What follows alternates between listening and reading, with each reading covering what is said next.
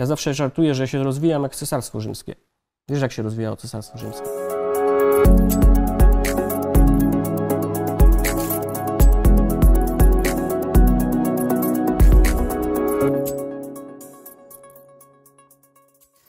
Adrian, jesteś milionerem? Zdefiniuj pytanie, zdefiniuj pojęcie. Dobra, definiuję. E, według książki Sekrety amerykańskich milionerów, milioner to jest taki człowiek, którego sprzedajemy cały majątek, dodajemy do tego Twoje oszczędności, spłacamy Twoje długi i czy wyjdzie Ci 4 miliony złotych, czyli taki dolarowy milion? Wyjdzie. Wyjdzie. ci. Wyjdzie. Jestem nawet, po, mo, mogę powiedzieć, że jestem nawet milionerem, jeżeli chodzi o dochód. Czyli Mhm. mieszczę się w tych kilkudziesięciu tysiącach ludzi, którzy składają zeznanie podatkowe i wychodzi im około miliona złotych. Nawet trochę ponad. E, Ja bym powiedział, że urodziłem się jako osoba transfinansowa. To znaczy urodziłem się jako milioner w ciele zwykłego człowieka. To tak kiedyś powiedział mój ulubiony pisarz fantasty Andrzej Filip, Filipiuk. I e, on powiedział, że musi zrobić wszystko, musiał zrobić wszystko, e, żeby jakby dostosować się do tego, do tego, czy- czym się czuł, a czym nie był. W związku z tym on wybrał pisanie książek, a ja wybrałem biznes. No i tak to wyszło. Okej, mówisz, wybrałem biznes, no ale znamy się kilka lat i wiemy, że początek wcale nie zapowiadał, że raczej można powiedzieć, że yy, no nie wiem, czy ludzie, którzy cię 20 znali 20 lat właśnie pracowałem na etacie. podstawówki, 20 lat. podstawówki czy szkoły średniej powiedzieliby tak, Adrian będzie milionerem. Raczej No nie, nie zapowiadało zapowiadało, nie zapowiadało. To się. powiedz, jakie były początki w ogóle? Zaczynałem w ogóle jako taki chłopak ze wsi, który poszedł taką najpro, najprostszą drogą, czy naj, naj, najmniej, no, po najmniejszej linii oporu, czy po linii najmniejszego oporu. E, Zaczynałem od szkoły zawodowej, potem, e, czyli już w wieku 15 lat pracowałem na etacie. Biorąc pod uwagę mój wiek, to za chwilę będę zbliżał się do 40 lat pracy, na, e, w ogóle pracy, stażu pracy. Z tego 20 lat, można powiedzieć, pracowałem na etacie, czyli do 35 roku życia. E, I to było tak, że nie uważam tego za czas stracony, natomiast musiałem się wiele rzeczy nauczyć, żeby jakby pokonać tą barierę. I, i parę porażek po drodze zaliczyłem. Y, No nie wiem, co, co, co, czy to jest ciekawy okres, y, ta, ta praca na etacie, więc y, nie wiem, co byś chciał na ten temat wiedzieć. Co, mnie zawsze interesuje ten, ten moment, czy co? 35 lat, początek kryzysu wieku średniego, budzisz się A. i mówisz, Kryzys wieku średniego to ja mam teraz. Yy, No ale chodzi mi o ten moment, co nagle budzisz się i mówisz sobie, ach, chrzanić etat, będę milionerem. Nie, to, to nie tak działa chyba. Y, Przede wszystkim nikt nie, nie myśli o tym, żeby zostać milionerem, tylko ja myślałem o tym, żeby po pierwsze być człowiekiem wolnym, a po drugie człowiekiem bezpiecznym.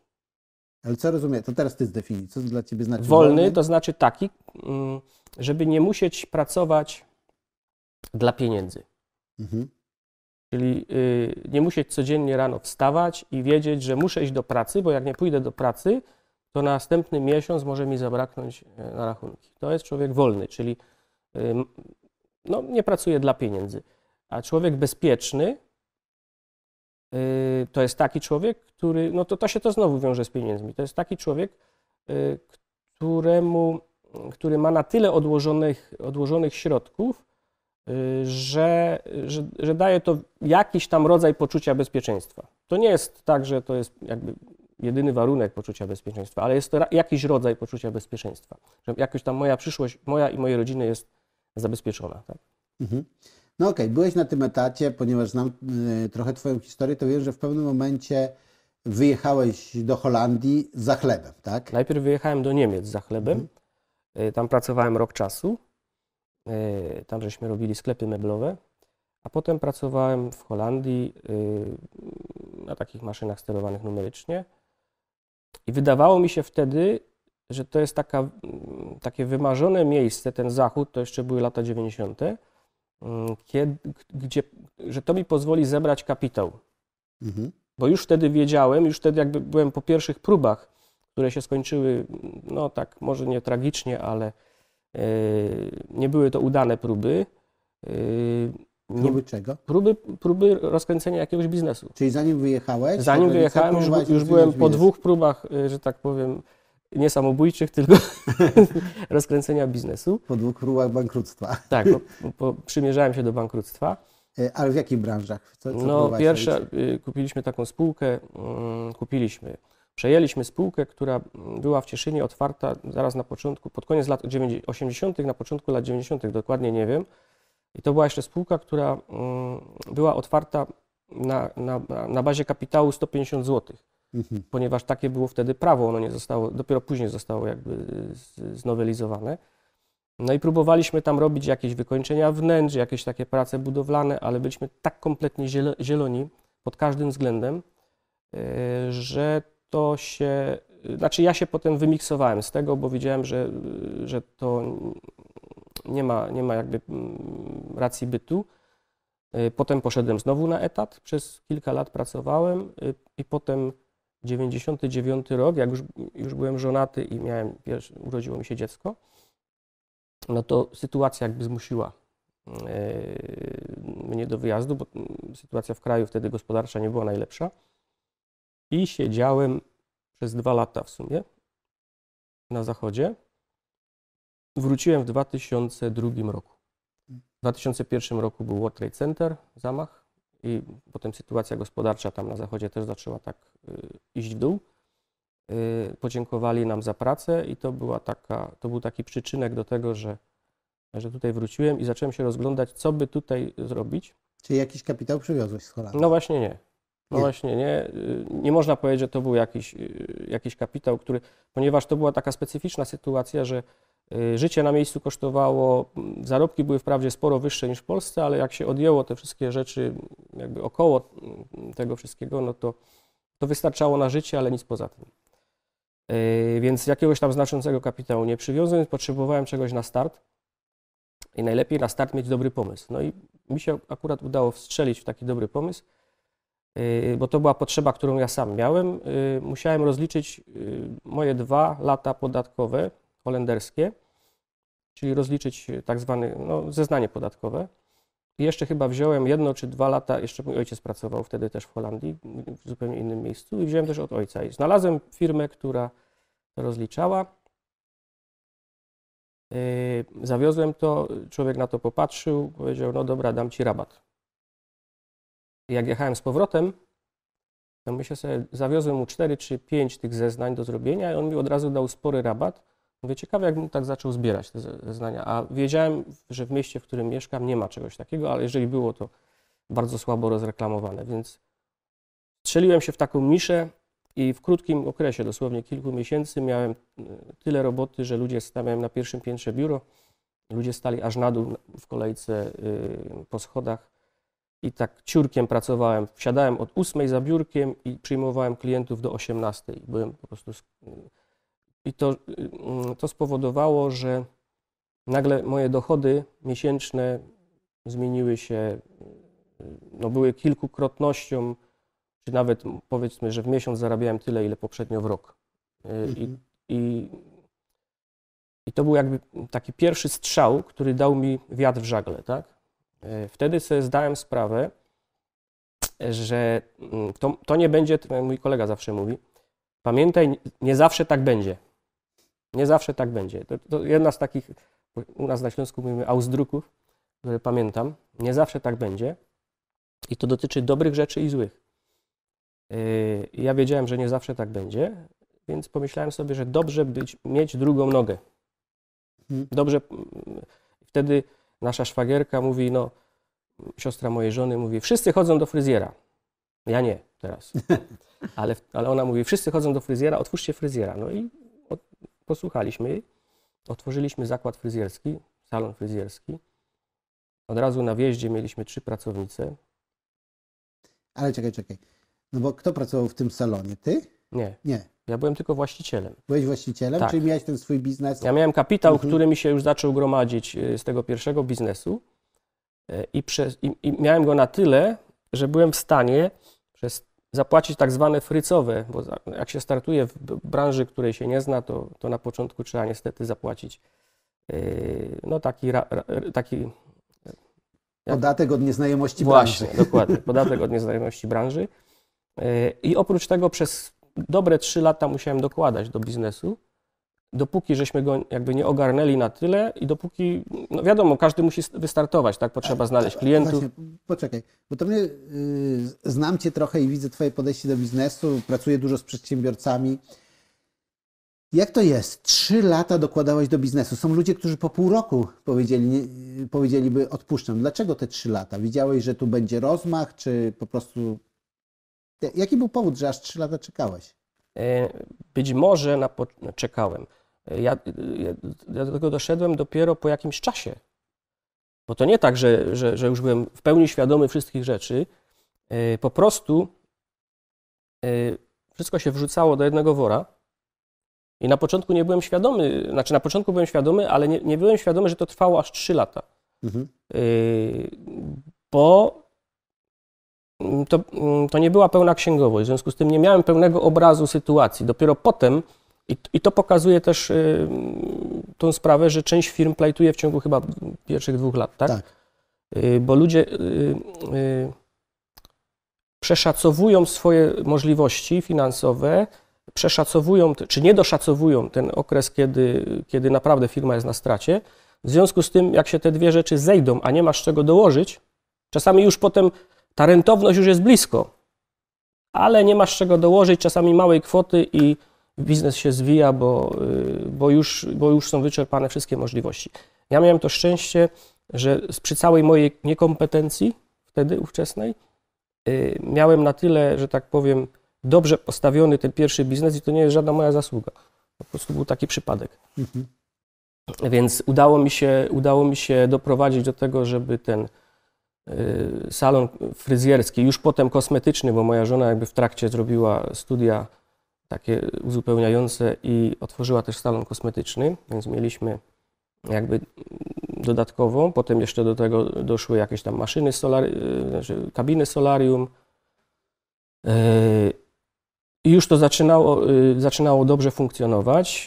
Przez jakiś, myślę, że około 10 lat, żeśmy, 8 do 10 lat prowadziliśmy salon fryzjerski, kosmetyczny, a potem będziemy prawdopodobnie jeszcze o tym mówić, ale w pewnym momencie konkurencja zrobiła się na tyle zjadliwa i na tyle sztucznie wywołana, że, że ten tort się dzielił na zbyt dużo kawałków i, i w pewnym momencie żeśmy podziękowali za to. Już, ale już były Mm, jakby następne rzeczy, które się pojawiły w międzyczasie. Dobrze, to zatrzymajmy ten moment i dwie, dwie rzeczy chcę przybliżyć. Pierwsza rzecz, e, podziękowaliście temu biznesowi, tak ładnie tak. powiedziałeś. To znaczy co, zamknęliście, sprzedaliście? Próbowaliśmy go sprzedać, ale to się nie udało, więc w pewnym mhm. momencie e, z różnych powodów sprzedać, przekazać jakby pracownicy jednej. E, ona nie dała rady z różnych powodów. No i, i wtedy zamknęliśmy i, i, i, szukaliśmy jakby nowego pomysłu na to. Nie, nie, nie, nie rozumiem. Przekazać pracownicy czemu? No, żeby to miejsce dalej funkcjonowało, a my byśmy mieli tylko na, y, pieniądze z najmu, tak? Aha, czyli na lokal takie, był wasz. Lokal był nasz, no powiedzmy y, prawie, że nasz, bo to mieliśmy to w użyczeniu od mojej teściowej, więc lokal był nasz, więc jeżeli by jej się udało otworzyć, jakby miejsce było zagrzane, tak, klienci przychodzili, mhm ale nam już, my, my, byliśmy już zaangażowani jakby gdzie indziej, w związku z tym pomyśleliśmy sobie, lepiej, żeby ona to wykorzystywała i płaciła nam czynsz i to się tak przez półtorej roku udawało, no ale mieliśmy założenie, że co najmniej trzy lata. No, nie, nie pociągnęła, bo tam chyba dziecko się jakieś pojawiło po drodze i, i, i nie dała rady. No ale, ale, ale ona dalej prowadzi biznes, tylko w innym miejscu, czyli, czyli jakby, mhm. jakby przejęła tą pałeczkę sobie gdzieś tam. Nie tylko ona zresztą. Jeszcze kilka dziewczyn jest, które, które mają swoje, swoje, e, swoje salony. E, okej, okay. no to dobra, to, to je, bo jeszcze chcę wrócić do, do tego pierwszego biznesu, ale no właśnie, e, częstym problemem w branży fryzjerskiej jest to, że ludzie przychodzą, chcą się nauczyć i otwierają własne biznesy. Jak sobie z tym problemem radziliście? No, z, tym się, z tym się nie da, z tym sobie nie możesz poradzić tak do końca. dlatego, że i, i to, z tym żeśmy się też borykali, że przychodziły dziewczyny po szkole, uczyły się swojego biznesu i nie jesteś w stanie zmusić pracownika y, w żaden sposób do bycia lojalnym. Y, żaden, żaden zakaz konkurencji. Wiem, że inaczej to działa na przykład na zachodzie, bo moja, moja siostra jest fryzjerką y, i troszeczkę tam w Niemczech wiem, jak to wygląda. Tam nie ma czegoś takiego, że fryzjerka pracuje u, w salonie fryzjerskim i gdzieś na boku sobie coś dorabia. Jakieś ciotki, babcie czy, czy, czy, czy sąsiadki gdzieś im tam trwałą robi w domu. Nie ma czegoś takiego. Y, ja przynajmniej nie wiem, czy, z czego to wynika.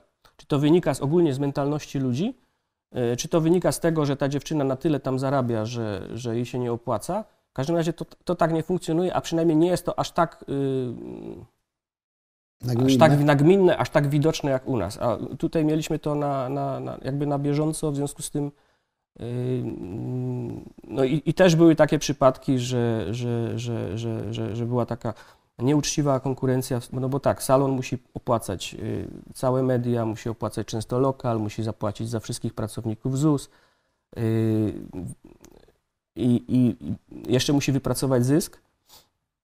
A ta, tej dziewczynie takiej, która, która pracuje y, sobie w tym salonie, jej się wydaje, że, że to jest uczciwe, jeżeli ona tam ileś klientek sobie zrobi na lewo, nie płacąc podatków, nie płacąc ZUS-u, mając właściwie ZUS zapłacony gdzie no indziej. No tak. Więc to jest takie y, psucie rynku, y, nad którym nie można zapanować właściwie. I, I, tego, się nie da, tego się nie da ogarnąć, bo żaden, żaden zakaz konkurencji nie działa. Y, trudno, trudno, trudno y, nawet podpisać z fryzjerką taki zakaz konkurencji. Mało która będzie chciała. Poza tym to jest taki zawód, który jest oparty na, na umiejętnościach manualnych. Nie można jakiejkolwiek osoby przyjąć i ona Y, i ona będzie funkcjonować. To już musi być y, osoba przede wszystkim przeszkolona i przede wszystkim ona musi mieć talent, ale tu jeszcze y, dochodzi jeszcze jedna sprawa. Ona może mieć talent, a nie mieć klientów. Mhm.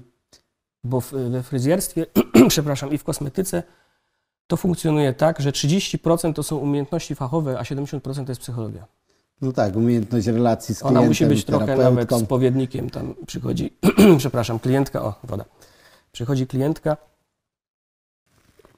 to często przychodzi się wygadać. Okej, okay, to troszkę ten wątek y, zamknijmy fryzjerski. Mhm. Tylko pytanie, czy wyszliście z tego z jakimś kapitałem, czy nie? Yy, tak. Yy, ciągle funkcjonował mój, yy, mój pierwszy biznes. No właśnie, ten pierwszy biznes przez te 10 lat cały czas, w, y, no chyba nie w tle, on był chyba takim głównym dochodowym biznesem. No ja miałem to jakby, w pewnym momencie to się gdzieś, gdzieś tam zrównoważyło, jeżeli chodzi o obroty, Natomiast nie, nie jeżeli chodzi o rentowność. Mhm. On był jednak, y, ciągnął jako ten koń y, rentowności tak, do, do przodu. Ale mm, po pewnym czasie, ja zawsze żartuję, że się rozwijam jak cesarstwo rzymskie. Wiesz, jak się rozwijało cesarstwo rzymskie? Cesarstwo rzymskie zaczynało od tego, że była to mała osada Rzym, która była zewsząd otoczona przez takie plemiona niezbyt przychylne. W związku z tym oni sobie podporządkowali najbliższych sąsiadów a potem podporządkowali sobie następnych. I, i cały czas po, poszerzali tą strefę buforową, którą po pewnym czasie wciągali jakby w orbitę w swoich wpływów i, i, jakby organizowali następną strefę buforową. I tak to u mnie w biznesie y, y, y, funkcjonuje, że ja się ciągle czuję nie do końca pewien, czy, czy jest wszystko ok, czy jest to bezpieczeństwo. W związku z tym, jak już miałem y, fryzjerstwo i kosmetykę i tamte podatki holenderskie, to pomyślałem sobie, po co ja się mam zaopatrywać, gdzieś tam jeździć do, do sąsiednich miast, to otworzę sobie hurtownię. Dobrze, ale to poczekaj, e, bo to jest ciekawy wątek, tylko chciałbym, żebyśmy domknęli ten wątek e, podatkowy. Czy ty tam siedziałeś i te kilka godzin nie, wypełniałeś nie, te podatki? Nie, nie, nie. W pewnym momencie, y, w pewnym momencie już wiedziałem, że nie mogę tego dalej ciągnąć. W związku z tym y, trafił mi się chłopak, który, y, który wydawał mi się sensowny i zatrudniłem go. Na początku, to jeszcze był student wtedy, na początku za jakieś niewielkie pieniądze.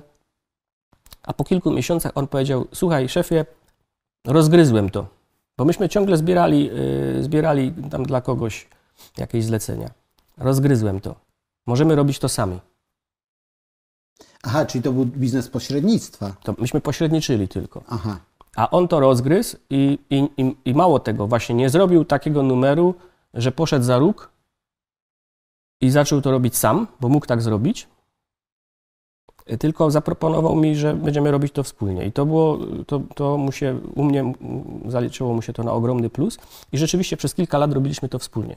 Wyglądało to tak, że jeszcze mieliśmy potem dwie pracownice, Yy, Czyli i- wy wypełnialiście już y, te... Tak, Zeznanie. myśmy, to już potem się robiło też elektronicznie, bo Mhm. Holandia o wiele szybciej weszła, y, że tak powiem, na, na, ten, na ten system elektroniczny, zanim jeszcze w ogóle ktoś u nas w Polsce pomyślał. Można było ro- robić to papierowo, ale potem y, większość robiło się elektronicznie. No i on to do dzisiaj robi. Mhm. On to do dzisiaj robi, bo w pewnym momencie jakby w uznaniu zasług przekazałem mu ten biznes. Już bez, zupełnie bez żadnych, yy, bez żadnych, chociaż przez, przez jakiś czas jeszcze u mnie wynajmował pomieszczenia, ale potem, potem się przeprowadził. Do dzisiaj mamy dobre relacje. Mhm. Więc Okej, czyli jesteś te, jest ten moment, że jeden biznes się kończy, ten podatkowy, kończy się fryzjerski biznes i wspomniałeś coś o hurtowniach, tak? Podatkowy w pewnym momencie on się nie skończył, tylko je, procent y, moich zarobków z tego tytułu był na tyle mały w porównaniu z czymś innym, że powiedziałem sobie, że sz- szkoda mi w ogóle y, jeszcze się tym zajmować, a dla niego to, y, to było jakby to był duży, duża zmiana, tak? Mhm. A y, pojawiło się, y, pojawiło się w międzyczasie, jakby tak jak, tak jak zacząłem, y, pojawiła się hurtownia czy handel takimi mm, y, kosmetykami, czy tam tymi produktami związanymi z, z fryzjerstwem i kosmetyką. Y, I na początku też żeśmy się musieli tego nauczyć i przez chyba dwa lata to była taka walka, boksowanie się z, z materią, y, z oporem materii. Przede wszystkim musiałem, nie znalazłem jeszcze właściwych ludzi wtedy. I to było takie, takie balansowanie mm, na, na krawędzi opłacalności chyba. I też musiałem do tego dokładać. Aż mi się pojawił gość, który, yy, który wydawało mi się wtedy, i rzeczywiście tak było, yy, był na tyle kumaty i na tyle, yy, na tyle sprawny jako handlowiec, że, że będzie w stanie to rozwinąć. Bo ja nie jestem handlowcem. E, Okej, a powiedz początek tej waszej e, relacji, znajomości. On przyszedł do nas do salonu kosmetycznego. Mhm. I moja żona powiedziała, kurczę, przyjrzyj się temu chłopakowi, wydaje mi się sensowny. No i on był też wtedy studentem. Jakoś tak przedstawił mi wizję yy, taką mglistą trochę, jak on by to widział. I ja mówiłem, dobra, no to zatrudnię cię. Dostaniesz tam podstawę plus procent od, jakiś tam niewielki procent od sprzedaży. I to poszło skokowo wtedy, jak on przyszedł. Ale ten wątek, który ja pamiętam, a może to już mnie pamięć myli, bo to kiedyś znamy się prywatnie kilka lat, więc opowiadałeś, że on chyba zaczął od urlopu, tak? Tak, zaczął, zaczął od urlopu, bo, bo musiał skończyć pracę. Yy, chyba li, yy, wtedy licencjat robił, więc musiał yy, napisać i obronić pracę. To duże zaufanie. Przychodzi człowiek, ma mglistą wizję, Ale to, był urlop, od ale to był urlop bezpłatny. Aha, To był, bezpłatny, to był okej. urlop bezpłatny. I już się pewno zaczynałem niecierpliwić, yy, gdzie ten gość jest. W końcu się pojawił, no i faktycznie yy, stało się tak, jak, tak jak obiecywał. To obroty zaczęły. On miał koncepcję, miał wizję tego. Czyli typ sprzedawcy taki. typ sprzedawcy, y, typowy typ sprzedawcy. Y, mm, I, I to się zaczynało, to bardzo fajnie zaczęło. y, Potem, ja jeszcze wcześniej, zanim on się pojawił, zacząłem pierwsze y, transporty ciągnąć y, z Chin. To był zupełny początek, jeszcze mało kto to robił. Ja Pamiętam, że zacząłem pierwszą paletę, y, pierwszą paletę sprowadziłem. Potem jeszcze E, coś. Okej, i tu, tu też zatrzymam, bo tutaj e, rozumiecie, tak, że Adrian tutaj ma sporo doświadczenia. Ja chcę pewne rzeczy też tak przybliżyć, bo mnie zawsze to interesuje ten moment tego przełomu, czyli tak, e, no organizujesz hurtownię, zbierasz nagle pomysł z Chin ściągnąć, tak? Dzisiaj to jest normalne, dzisiaj sobie moje dzieci chcą zabawki ściągać Tak. z Chin, bo jest tanio. E, Natomiast y, wtedy to było ogromne ryzyko. Jakby co, co działo się w Twojej głowie i skąd ten pomysł? No, było takie ryzyko, że trzeba było z góry zapłacić za towar. Ja z tego co pamiętam, to chyba pierwszą paletę ściągnąłem chyba za 1000 dolarów. No i to, to było, mm, musiałem zapłacić z góry, przelać te 1000 dolarów do Chin, a y, towar miałem po półtorej miesiącu. I, I tak przez długi czas, przez parę lat, żeśmy w ten sposób handlowali. Że, czyli, czyli potem już miałem dostawcę takiego w miarę sprawdzonego, ym, i, ale niestety tak to funkcjonuje, tak to funkcjonowało wtedy. Yy, Dzisiaj mamy troszeczkę inne relacje yy, z innym dostawcą, yy, ale większość importerów jeszcze ciągle na tym, yy, to jest ryzyko, to było ryzykowne wtedy o tyle, że mogłem wysłać pieniądze w kosmos po prostu i, i, i nigdy ani towaru nie obejrzeć, ani tych pieniędzy. Nie? E, No właśnie, ale skąd, y, po pierwsze, skąd ten pomysł, że Chiny? No bo porównywałem sobie, y, wiesz, wchodzisz potem na strony, y, wchodziłem na Alibabę tak zwaną, czy na, na Made in China, były takie strony i widziałem, jakie, jakie, są, jakie są przebitki. Za ile można kupić na przykład lampy do, do, do utwardzania żeli na paznokciach, za ile można kupić jakieś inne rzeczy, bloki, pilniki. I widziałem, jakie ceny jestem w stanie uzyskać w Polsce. I to było niebo i ziemia. Więc y, stwierdziłem, że trzeba spróbować. I na tym to, y, tylko i na tym to polegało. Więc y, u mnie w biznesie się zawsze dzieje tak, że ja coś zaczynam, jakby inicjuję pewną, czy ja jestem dobrym zapalnikiem, inicjuję pewną, pewną reakcję chemiczną, czy reakcję, coś się zaczyna dziać, a potem szukam kogoś, kto jakby to pociągnie dalej, kto ma na tyle wytrwałości, na tyle umiejętności, na tyle talentu, żeby to, żeby to dalej pociągnąć. I to mi się y, z lepszym lub gorszym skutkiem najczęściej udaje. Okej, okay, to przyjrzyjmy się tej hurtowni. Ona zaczęła się rozwijać, tak? Kiedy... Tak, zaczęła się rozwijać. Przez pierwsze dwa lata tak, y, tak to się mm, też y, wlokło w stanach niskich. Potem, jak się pojawił, pojawiła właściwa osoba, to to zaczęło rosnąć i zaczęło się pojawić, zaczął się, zaczął się pojawiać zysk. Ale ten zysk był na tyle mały, że, y, y, żeby się rozwijać w taki sposób organiczny, to znaczy inwestować na bieżąco te pieniądze, które się zarobi, no to bym się, y, to bym się nie rozwinął. Więc w pewnym momencie pojawia się coś takiego jak zdolność kredytowa. Mhm. Ten zysk powoduje, że mamy zdolność kredytową, ale nie mamy, nie mamy zdolności, nie mamy skumulowanego kapitału. Mhm. Więc ta zdolność kredytowa powoduje, że mogę się zwrócić wtedy do banku i pamiętam wtedy się zwróciłem do banku i pierwszy kredyt, jaki wziąłem, to chyba było 60 albo 70 tysięcy. I sobie pomyślałem, Boże, kiedy ja to spłacę? Udało się spłacić? Y, zapomniałem już. Pamiętam, że jeszcze miałem problem przy pierwszej kontroli z Urzędem Skarbowym. Pani się strasznie y, tutaj próbowała doktoryzować, na co ja wziąłem te pieniądze. Ja mówię, no proszę Panią, na, na import z Chin. Ale na co? I nie, nie, nie chciałem jej, znaczy, ja nie potrafiłem zdefiniować, że akurat za te pieniądze, bo pieniądze to jest rzecz po prostu wchodzi do firmy i, i jest taka sama jak inne, inne środki, mhm. które tam są. To nie, że one są specjalnie oznaczone, tak, że to poszło na to. No po prostu na rozwój firmy. No i odpuściła mi, ale, ale mm, pamiętam, że wtedy y, brałem kredyty we wszystkich bankach, które mi chciały dać, łącznie z jakimiś takimi łącznie z jakimiś takimi mm, dziwnymi tworami, które już nie istnieją. Nie będę wymieniał nazw, bo po pierwsze już nie istnieją, po drugie po co je mam reklamować. E, oprocentowanie było niekiedy crazy zupełne. E, I te, te kredyty potem w pierwszej kolejności sta, starałem się spłacić. Ale to była sytuacja taka, że w piecu się paliło i trzeba było dokładać. I człowiek był, no byłem przerażony tym wszystkim, tak? E, bo wiedziałem, że jeżeli mi się noga obsunie, no to zostanę z tym wszystkim, z całym tym Majdanem, ale z drugiej strony wiedziałem, że jak tego nie zrobię, no to, to się zatrzymam i to będzie śmierć. I to chyba ważne, że w tym piecu się paliło, że to piecu się paliło, coś, tak. tak. I to, to powodowało, że to koło zamachowe, czyli generalnie y, biznes się robi zawsze na, na, jakby na dwóch podstawach: praca i kapitał. Możesz ciężko pracować, ale jak nie dorzucisz w pewnym momencie kapitału, to ta sama praca nie wystarczy. Mhm.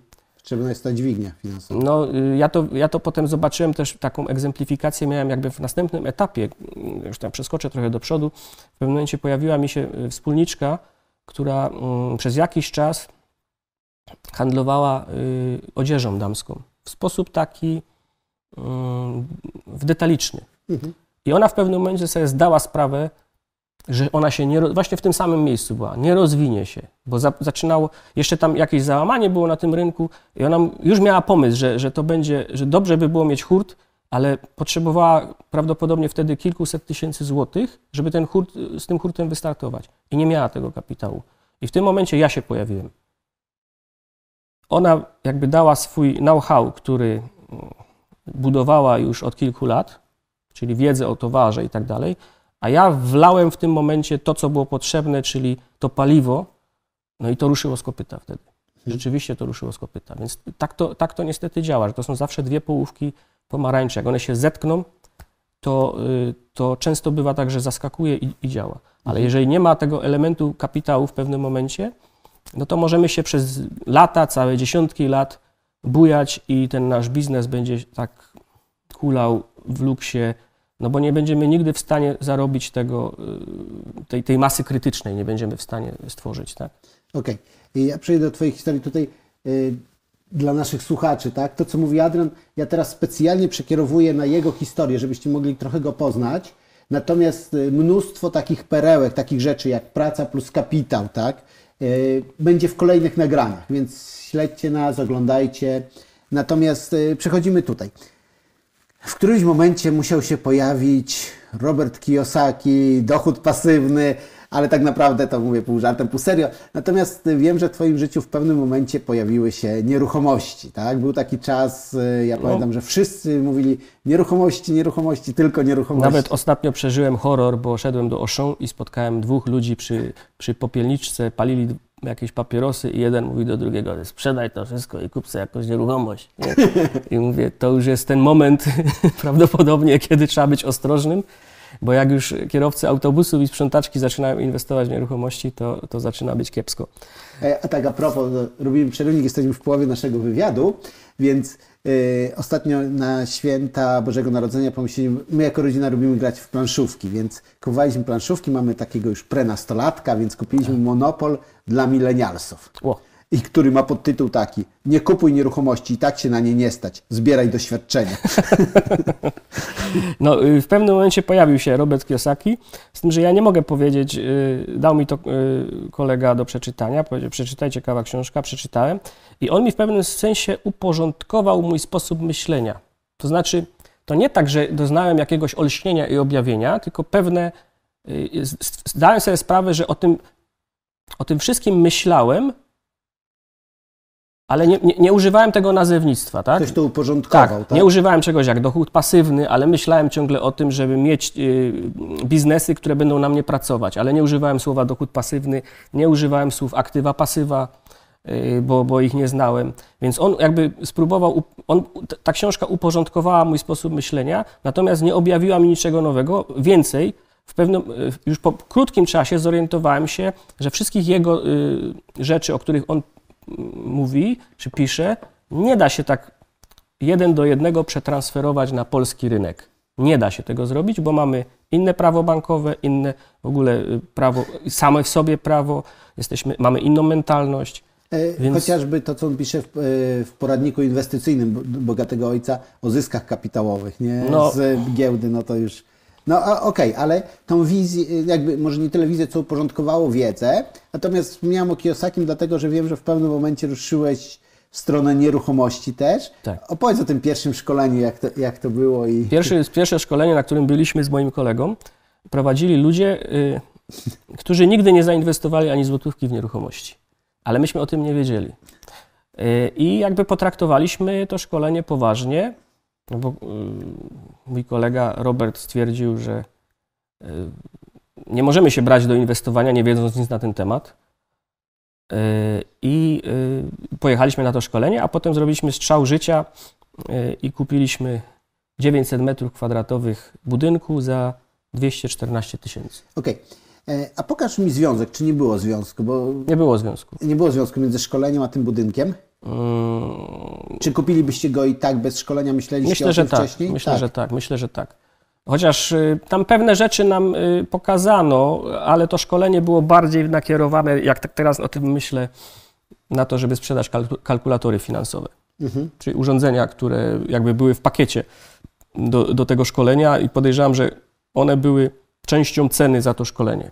I tam była też nauka, przepraszam, nauka obsługi tego, tych urządzeń. Nic z tego nie wyniosłem w sensie obsługi. Nie używam tych kalkulatorów finansowych. W tej chwili w internecie można. No to głównie chodzi o, o liczenie sobie y, y, odsetek, tak, od kredytu, policzenie sobie stopy zwrotu, więc jestem w stanie to zrobić nawet na zwykłym kalkulatorze albo, albo, albo na jakichś dostępnych narzędziach, które, które można na stronach internetowych znaleźć, więc to nie ma problemu.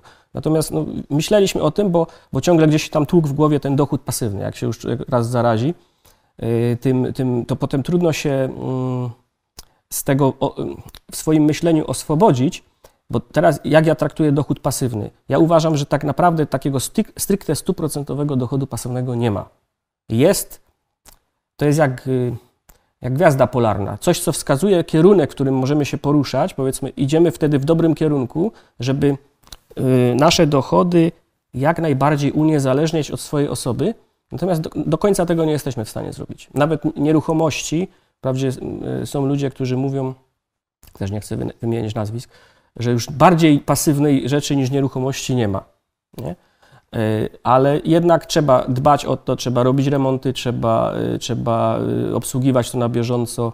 W związku z tym jest kupa roboty. Są, akurat jest tutaj cała branża muzyczna, ludzie, którzy piszą książki, oni mają tantiemy, tak. często ich pokolenia, tak? tak? Więc to jest o wiele bardziej tak, ale niż to nieruchomości, jest, nie? Ale to jest tak jak z piłkarzami dobrymi. To no. jest jakiś promil ludzi, którzy naprawdę napisali takie książki, że, że następne pokolenia mogą mhm. żyć z tego.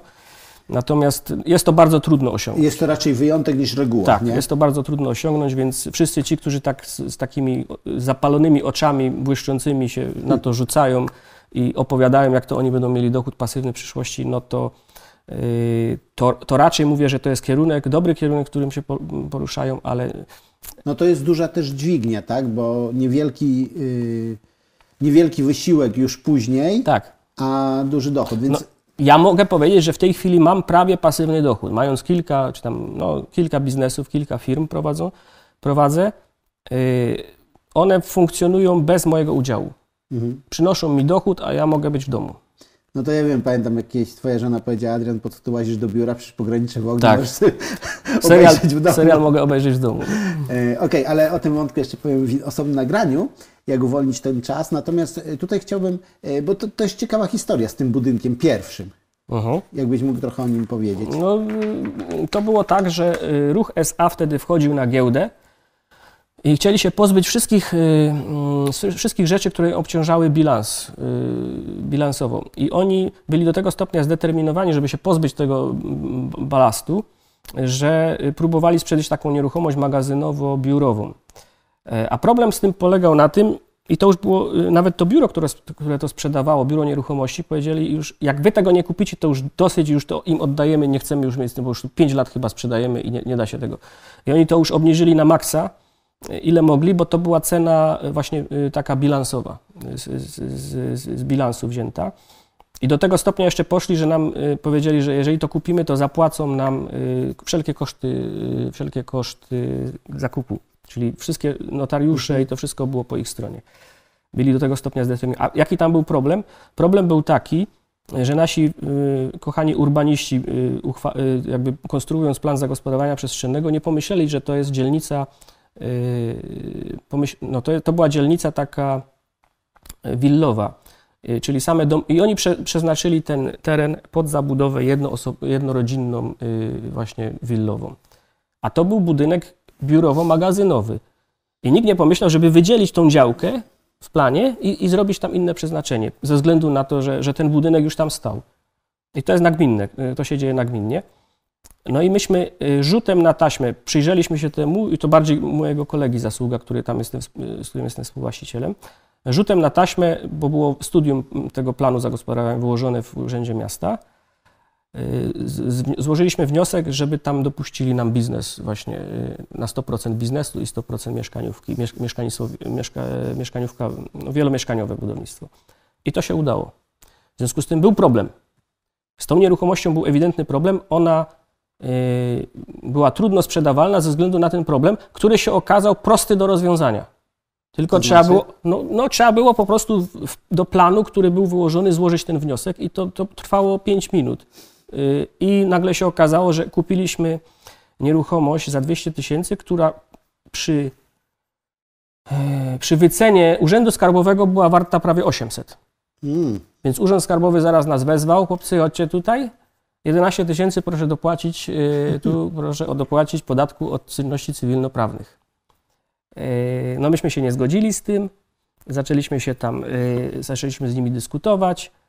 Mm, Więc y, suma summarum stanęło na tym, że dopłaciliśmy im nie 11 tysięcy, tylko milion 100 od wartości działki, a o budynku już y, nie chcieli pamiętać.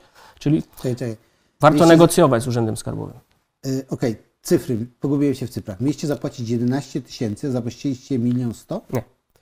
Y, 1100. 1100. 1100. No. Milion 100.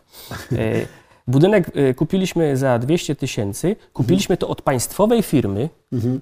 a potem państwo przyszło do nas i powiedzia, powiedziało nam, za tanio żeście kupili ten budynek według naszych tych, czyli mo- mogłoby powiedzieć, za tanio żeśmy wam go sprzedali, a według nas y, powinien być, powinniśmy ci go sprzedać za, za, Takie za 800 renegocjacje. za 800 tysięcy i zapłać nam jeszcze podatek od, tych, od tej No. różnicy, nie? Dodatkowy. Yy, No i nie zgodziliśmy się z tym. Ja już nie pamiętam, jak to tam było, jakie, jakich argumentów żeśmy użyli, yy, ale wiem, że to wygląda tak, że Urząd Skarbowy, jeżeli jest jakiś spór na temat podatku od czynności cywilnoprawnych, oni muszą, yy, oni muszą powołać swojego biegłego. I jeżeli jakby mm, ta rozbieżność będzie przekraczała 30%, w cenie, którą oni proponują, coś tam No, jest, no. to oni muszą tego biegłego pokryć. Mhm. W związku z tym ta pani się nie zdecydowała na to, y, ta urzędniczka, i powiedziała, no chłopaki, kurczę, no jakoś się musimy dogadać. No i dogadaliśmy się tak, że zapłaciliśmy tylko dodatkowe pieniądze od działki, od użytkowania wieczystego, a budynek nam zostawili w spokoju. Y, Więc zawsze jest ta możliwość, zależy kto jest po drugiej stronie, ale, ale zawsze jest możliwość jak, jakiegoś, jakiejś, jakiejś negocjacji, albo prawie zawsze. Okej, ale przyjrzyjmy się samemu budynkowi, bo to była też ciekawa. No, zrobiliś, y, no, zrobiliśmy z tego y, 15 mieszkań. Mhm. Takich niewielkich mieszkań z aneksem kuchennym i praktycznie rzecz biorąc od samego początku, y, od samego początku y, te mieszkania były wynajęte. I tak jest do, do dnia dzisiejszego. Troszeczkę nam pomaga tutaj y, no, emigracja, która się pojawiła w międzyczasie, coraz więcej, y, coraz więcej y, ludzi ze wschodu. Teraz Mhm. mam tam bardzo dużo, w moich mieszkaniach, którymi ja zarządzam, mam sporo ludzi za wschodniej granicy. Czasami nawet pracownicy, moi pracownicy, którzy gdzieś tam przyjechali z Mińska czy przyjechali z Ukrainy, pomieszkują w tych mieszkaniach, dopóki się nie, y, nie urządzą lepiej, dopóki gdzieś tam nie znajdą sobie czegoś, bo to są małe mieszkania. No ale takie są, umówmy się, na początku na rynku są najbardziej poszukiwane. Kawalerki lub małe dwupokojowe. Mhm. Okej, czyli jesteśmy w tym momencie. Jest hurtownia, jest ta pierwsza nieruchomość Tak. wielomieszkaniowa, budynek wielomieszkaniowy. I to jest ten moment, kiedy zostałeś milionerem, czy Nie. jeszcze nie? Znaczy, y, nie, nie znala, nie, nie, trudno mi byłoby określić, bo y, ja pamiętam wtedy też y, y, z, pierwszym moim budynkiem magazynowym, jak go zobaczyłem, gdzie, gdzie, nam się rozwinął ten biznes związany z paznokciami, czyli hurtownia, mm, bo to właściwie w tym kierunku poszło. Już potem żeśmy nie, nie robili nic z fryzjerstwem, tylko, tylko pod kierunkiem, pod, w kierunku paznokci. Ni- ni- Nigdy bym nie przypuszczał, że jest tyle produktów. W tej chwili mamy kilkanaście tysięcy pozycji magazynowych nie, na, na stanie. Mm, y, Kupiłem taki stary bar w wiosce pod, y, koło miasta, w którym mieszkam. Kupiłem go za 70 tysięcy złotych. 900 metrów kwadratowych. Jak zobaczyłem tą cenę, 70 tysięcy, to powiedziałem sobie, grzech byłoby nie wziąć. E, I co się okazało? I znowu był problem z tym budynkiem, E, bo y, chłop, który to kupił wcześniej, parę lat wcześniej, pomyślał sobie, że zrobi tam y, dom weselny. Kupił to za o wiele większe pieniądze, zrobił do tego projekt przebudowy, a potem wyjechał do, Nie- do, do, do Niemiec na stałe. No i zaczynał to sprzedawać chyba tam od 300 tysięcy, miał to wycenione. A, y, I tak obniżał co pół roku cenę, co, co jakiś okres i w końcu doszedł do, do takiej granicy 70 tysięcy. Ja to zobaczyłem w tym momencie i powiedziałem sobie właśnie, że grzech nie wziąć. Jeszcze utargowałem 2000 na, na, na, na, na koszty zakupu i summa summarum kupiłem to za, 70, za 68 tysięcy. Potem się dowiedziałem, że on się dogadał z najemcą, który tam był, y, że czasowo mu podwyższył czy- czynsz, y, żeby mnie zachęcić do tego, żebym ja to wziął. A ja miałem zupełnie inne plany, w związku z tym, jak on mi powiedział, że on wypowiada, bo on tutaj ma, nie zarabia na ten czynsz i przyznał mi się, że, że, że się tutaj dogadali, to mi ulżyło, y, bo ja, ja potrzebowałem tych pomieszczeń. I, I tam przez kilka lat y, w takich warunkach dosyć spartańskich y, jakby rozwijała się ta sprzedaż. Aż w pewnym momencie żeśmy stwierdzili, że już po prostu dalej nie można, bo się tam zadusimy. No i, i trzeba było. I trzeba, więc ten, ten, ten moment, kiedy stwierdziłem, że zaczynam obracać milionami już, to był jakiś 2014, 15. To był taki, to, to był taki przełom. No tak, my się poznaliśmy w 2011, to nie wyglądałeś na takie. Nie wygl- teraz Dobrze też, się zapowiadałeś, teraz też nie wygląda. Teraz też nie wygląda. ale... Okej, to oczywiście żartem, ale y, czyli ta hurtownia i domyślam się, że to jest nie tylko Polska, tak? Zasięg. Nie, za, y, zaopatrujemy praktycznie firmy w całej Europie Zachodniej i nie tylko środkowej i zachodniej, tak? Bułgaria, Rumunia, Czechy, Słowacja, Ukraina, nawet czasami do Rosji coś tam pójdzie, chociaż z tym jest tru- trudniej. Y, Węgry, Francja, Belgia, y, Hiszpania, Portugalia. Nie pamiętam. Nie, nie zajmuję się jakby na, na bieżąco tymi rzeczami. To tak wiem ze słyszenia, gdzie to idzie. Okej. E, I później tak, kolejne biznesy powstawały. Czy to już było tak, że jak grzyby po deszczu mnożyły się trzy rocznie? Nie, to nigdy tak nie jest. Y, Trzyrocznie to, to, y, to jest błąd. Będziemy o tym mówić. Ale y, y, ja się uczyłem ciągle y, już y, czegoś nowego, czyli, czyli inaczej. Nowe rzeczy zauważałem. Jak już, jak już powstał ten, powstała hurtownia, mm, to zauważyłem pewne rzeczy, które mi. Znowu, znowu stwierdziłem, że y, jest pewne ryzyko, jeżeli będę się opierał tylko na tym. Mhm. Y, Bo y, pewne czynniki mogą spowodować, że nagle y, to mi się, to mi się utnie, tak? to, mi, to mi się skończy. I to mogły być. przy- Jak mamy z czasem? Dobrze, dobrze. Zostało nam To, 15 mo- minut. to mogły być czynniki, y, to mogły być czynniki nawet prawne. No, zdarzały się już przypadki, że y, ogłaszano embargo, tak? Mhm. Chiny wiadomo, jaki są krajem, więc y, o tym myślałem. Po drugie, mogli nałożyć jakieś cła wysokie i, i ten, ten import mógł się okazać nie, nie, nieopłacalny. No a niestety mamy tak w kraju, że zanim byśmy rozkręcili tutaj produkcję jakąś, no to trzeba i kapitał, i więc nie mogłem, y, nie mogłem y, tego, y, nie mogłem polegać na tym i nie mogłem zaspokoić tej potrzeby bezpieczeństwa Mhm. tego biznesu. W związku z tym po drodze pojawił się, pojawili się, mm, pojawiło się małżeństwo i to u Ciebie na, na, na jednym ze szkoleń, tak? Mhm. Poznałem małżeństwo z Wrocławia i zaczęliśmy robić wspólnie, znaczy wspólnie.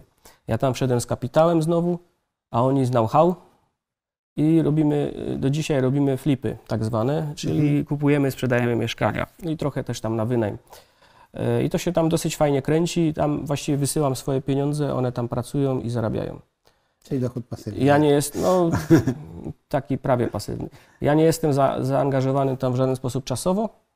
Y, Od, od czasu do czasu spotykamy się, tak średnio staramy się spotykać raz w miesiącu, może raz na dwa miesiące, po to, żeby przedyskutować pewne kwestie i, i, i, tyle. Y, Potem się napatoczyła, ponieważ robiliśmy, robiliśmy wspólne, y, wspólne też szkolenia, gdzieś tam y, kolejna wspólniczka mi się sama zgłosiła. Y, ona napisała do mnie o nieruchomościach, ale potem przyjrzałem jej się y, i pomyślałem sobie, dobra, y, no to możemy coś tutaj y, właśnie zgrać sobie, połączyć. Y, y, Ona miała te, te ciuchy, a ja miałem taką branżę, y, zacząłem dłubać w takiej branży, która mi się urodziła w taki dosyć nie, nietypowy sposób, ponieważ znowu dygresja. Ponieważ cały czas poszukiwałem nowych okazji, więc mm, gdzieś tam wy- wygrzebałem firmę, która potrzebowała inwestycji na portal internetowy dla graczy. I kupiłem yy, udziały w tej firmie, to była spółka ZOO, nie pamiętam już jak się nazywała. Yy, I zainwestowałem tam mm, kilkadziesiąt tysięcy. Yy, Po roku czasu się okazało, że to se nie da, że nie, wyjdzie z tego biznesu nic. Oni się okazali na tyle uczciwi, że nie tylko spłacili mi te pieniądze, wzięli tam jakiś, jakąś pożyczkę, oni wyjechali do Anglii, spłacili mi te pieniądze, ale oddali mi tą spółkę. Ta spółka miała stratę, więc to był zysk podatkowy jeszcze dodatkowo. No i, i potem mam tą spółkę ZOO, no i co mam z tym zrobić? No i pomyślałem sobie, że najwyższy czas popełnić jakiś błąd. Yy, tak jak to pisał Kiyosaki. No i po, popełniłem pe- pewien błąd. Otworzyłem tutaj w sąsiednim mieście, odległym o 30 km, sklep z, yy, z artykułami dekoracyjnymi.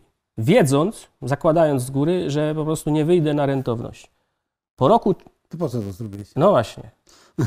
To jest jeden z błędów, które należy popełnić. Yy, Przez 12 miesięcy się z tym boksowałem, z tą rzeczywistością.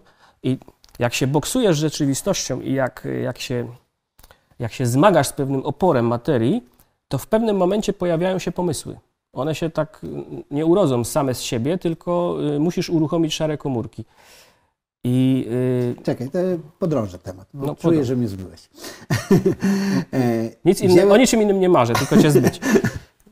E, wziąłeś ten sklep tylko po to, żeby urodziły ci się pomysły? Nie. Czy od początku, no bo... Nie miałem żadnych pomysłów. Nie, miałem, Aha. nie wiedziałem, co z tym zrobić, więc mówię, no co mam mi to leżeć, Okej. więc trzeba, y, trzeba wy- Zrobić wypróbować, cokolwiek. trzeba zrobić cokolwiek. Okej. No i zrobiłem cokolwiek, zatrudniłem tam pracowników, zatowarowaliśmy ten sklep i to jeszcze było tak, że zrobiliśmy tam taki wystrój, że ludzie przychodzili i mówili wow, zrobiłem taki z nieheblowanego drewna, sam rozładowałem deski z tartaku, pociąłem je, zrobiłem półki, pomalowałem emulsją na biało, wyglądało to pięknie, zrobiłem takie imitacje y, skrzynek na owoce, zrobiłem z tego mm, półki, Y, Jeździliśmy na giełdę, sp- sprowadzaliśmy właśnie takie dekoracyjne rzeczy i ludzie przychodzili, o jak pięknie tu macie, robili zdjęcia i wychodzili, kupowali te rzeczy w internecie, nie? Y, I, i naśladowali te, to wzornictwo i tak dalej. Y, y, Ladę miałem, pamiętam, też zbitą taką, jak, wyglądała jak, jak wyciągnięta z szopy, y, też pomalowana na biało. Wyglądała super. No po prostu wszystko było tak, y, taki design był taki y, w takim stylu vintage takim stylu prowansalskim, e, czyli takie postarzane rzeczy. To wtedy było bardzo modne, na- wchodziło. I ja w pewnym momencie gdzieś na giełdzie, jak żeśmy chodzili, zerknąłem i taki mały szyldzik, jakiś tam, jakaś sentencja po angielsku była napisana na, na, jakiej- na jakiejś blaszce czy na, czy na jakimś kawałku deski, coś tam po angielsku, już nie pamiętam.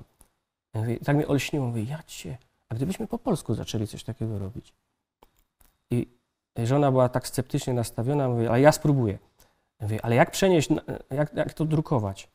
I wymyśliłem, y, gdzieś szukałem po internecie, wymyśliłem, że można na laserowej drukarce, na papierze wydrukować w lustrzanym odbiciu, przykleić to na jakiś nośnik, na przykład na klej wikol albo na jakiś, na jakiś tam lakier, potem to zmyć i ten nadruk zostanie. I tak żeśmy ro- robili pierwsze, pierwsze takie nasze deseczki z nadrukami, z różnymi takimi y, powiedzonkami typu, nie wiem, kobieta nigdy nie wie czego, jak to, y, no, jakieś takie śmieszne... Szanuj szefa swego, może Tak, być no, no, gorszego no, no, i tak, tak tak. Y, I y, mm, wiem, że jestem piękna, ale dzisiaj to już przesadziłam na przykład, albo coś takiego. Y, I to się zaczęło świetnie sprzedawać, do tego stopnia, że w pewnym momencie miałem 10 kobiet, które siedziały i myły ten papier i, i ścierały, te, ścierały te tabliczki. Y, I pakowaliśmy to, woziliśmy to na giełdę, sprzedawaliśmy. W pewnym momencie wpadłem na pomysł, że trzeba kupić maszynę i znalazłem taką maszynę y, drukarską, która, która drukowała. Ale jak kupowałem ma- jak, jak byłem u gościa, który to chce sprzedać, to chyba się za bardzo wygadałem i on mi już od razu zrobił konkurencję. A drugą konkurencję mi zrobił gość, którym, któremu to sprzedawałem, bo on już miał y, dużą hurtownię z, z materiałami takimi właśnie dekoracyjnymi i on też. Y, I, y, ale mimo wszystko podejrzewam, że zarobiłem na tym od kilkuset tysięcy do, do miliona złotych y, na tych, na tych głupich deseczkach. W tej chwili mamy trzy drukarki małe i jedną dużą, ale już wykorzystujemy to tak sporadycznie na, na, na, te, na te deseczki, mm, a bardziej brandujemy pilniki, brandujemy pilniki do paznokci, brandujemy pędzelki i takie inne rzeczy, które są, wykorzystujemy e, już do sprzedaży właśnie w tej, w tej naszej głównej działalności. E, W więc- głównej działalności, czyli? Czyli w paznokciach. Paznokcie, dobra. Chciałbym teraz tak, zostało nam 5 minut, więc chciałbym, żebyś powiedział jeszcze, już może nie rozwijając za bardzo wątków, jest jeden wątek, który taka wysięka na torcie, ale to na koniec. E, W jakich branżach, ile masz w ogóle tych firm, podmiotów i w jakich branżach? No, y, paznokcie, branża odzieżowa. Y, Teraz powstała nowa firma w branży odzieżowej, z- taka niszowa, specyficzna. Y, Nie mogę powiedzieć dokładnie, bo, bo jestem tutaj związany umową o poufności. Mamy też w branży szkoleniowej firmę i w branży nieruchom- nieruchomości, czyli flipy we Wrocławiu. Zresztą to jest popularna w tej chwili rzecz. I jeszcze jedna teraz ostatnio mm, to jest y, wygłuszenie akustyczne. Robimy y, z różnych materiałów, y, z różnych materiałów robimy wygłuszenia akustyczne do motoryzacji, do kolejnictwa, do, do innych branż. I, i to, to, chyba są, to chyba są te. A, a tak naprawdę, gdybyś mnie zapytał, czym ja się zajmuję w tej chwili, to nie zajmuję się niczym z tych, z tych rzeczy, bo wszystko jakby to jest. y, Do, y, w każdej z tych branż pracują ludzie, którzy są moimi wspólnikami. A ja się zajmuję płukaniem złota. Czyli y, płukanie złota czasami często polega na tym, że trzeba przerzucić 5 ton gliny czy innego żużlu, nie żużlu, tylko żwiru, po to, żeby wygrzebać 3-4 gramy. Y, I więc te moje, te moje drobinki złota to są ci ludzie, których mogę, y, y, których mogę odgrzebać gdzieś i spowodować, że oni będą y, pracować dla siebie i jednocześnie dla mnie. I to jest, Mhm. y, tak to, tak to mogę w tej chwili określić, że zajmuję się wspieraniem y, w takich dziedzinach, no bo umówmy się, jeżeli człowiek przychodzi z etatu, ma wiedzę, nie ma kapitału, ale ma ogromną wiedzę, ogromne doświadczenie, to potrzebuje tak, potrzebuje, żeby ktoś włożył kapitał, ale też potrzebuje, żeby ktoś włożył doświadczenie i y, wiedzę, której on dotychczas nie zdobył. Żeby nie musiał płacić tego frycowego na początku, tak? Czyli żeby, żeby wiedział, y, jak, jakie podatki płacić, jaką formę, jaką formę mm, działalności przyjąć, y, czym się różni spółka od spółki komandytowej. Y, To są rzeczy, w których ja się poruszam w miarę swobodnie. Może nie, nie na tyle swobodnie jak doradca podatkowy, księgowy czy tam prawnik, ale z racji tego, że już ileś tych biznesów otworzyłem, wiem z czym to się je i wiem ewentualnie kogo zapytać, jak czegoś nie wiem. Natomiast pamiętam, jak, jak pierwszy biznes otwieraliśmy, różnica między spółką cywilną, spółką ZOO, a działalnością jednoosobową to była czarna magia. Zupełnie żeśmy nie, nie, nie, nie rozumieli. Ja teraz czasami spotykam ludzi, którzy nie rozumieją różnicy między podatkiem dochodowym a podatkiem VAT. Ale ja byłem taki sam. Mhm. To po prostu tego, tego się nie to nabywa. Tego się nie nabywa w ciągu pięciu minut, to się nabywa przez lata, ale to jest mój wkład. Tak? Oprócz tego, że, Mhm. że daje kapitał, daje poczucie, znaczy daje tą stabilizację i powoduje, że firma nie upada po dwóch latach, to jeszcze daje, y, daje y, wiedzę, którą, którą nabyłem w ciągu kilkunastu lat prowadzenia biznesu. Dobra, to teraz wisienka na torcie. Pojedź, już się boję. E, Jest taka fajna, symboliczna rzecz, jedna z nieruchomości, którą kupiłeś.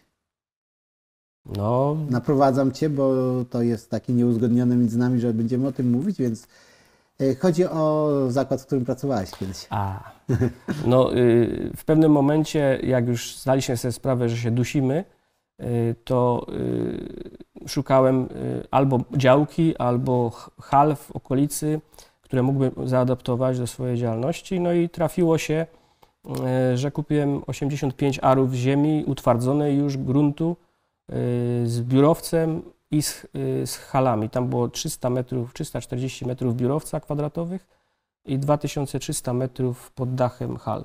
I to był część zakładu, w którym kiedyś w latach, na przełomie lat 80., 90. pracowałem. Więc jakby zatoczyłem takie ogromne koło, ponieważ tam pracowałem fizycznie, e, a teraz wróciłem na to samo miejsce e, jako właściciel części tego terenu. Niewielkiej części, bo to był ogromny, ogromny zakład, który przez likwidatora został jakby rozparcelowany. No ale niemniej jednak jakby historia zatoczyła koło. I to jest dla mnie taka satysfakcja i to jest taka ilustracja drogi, którą przeszedłem, tak? Od gościa, który tam paletował y, pustaki i kładł je na paletę i musiał przez 5000 sztuk ułożyć w ciągu, w ciągu, w ciągu 8 godzin, y, do faceta, który przyszedł i kupił kawałek tego, tego terenu. Więc y, droga daleka, ale jednak możliwa do przebycia w ciągu kilkudziesięciu lat życia. Jeszcze nie jestem aż taki stary.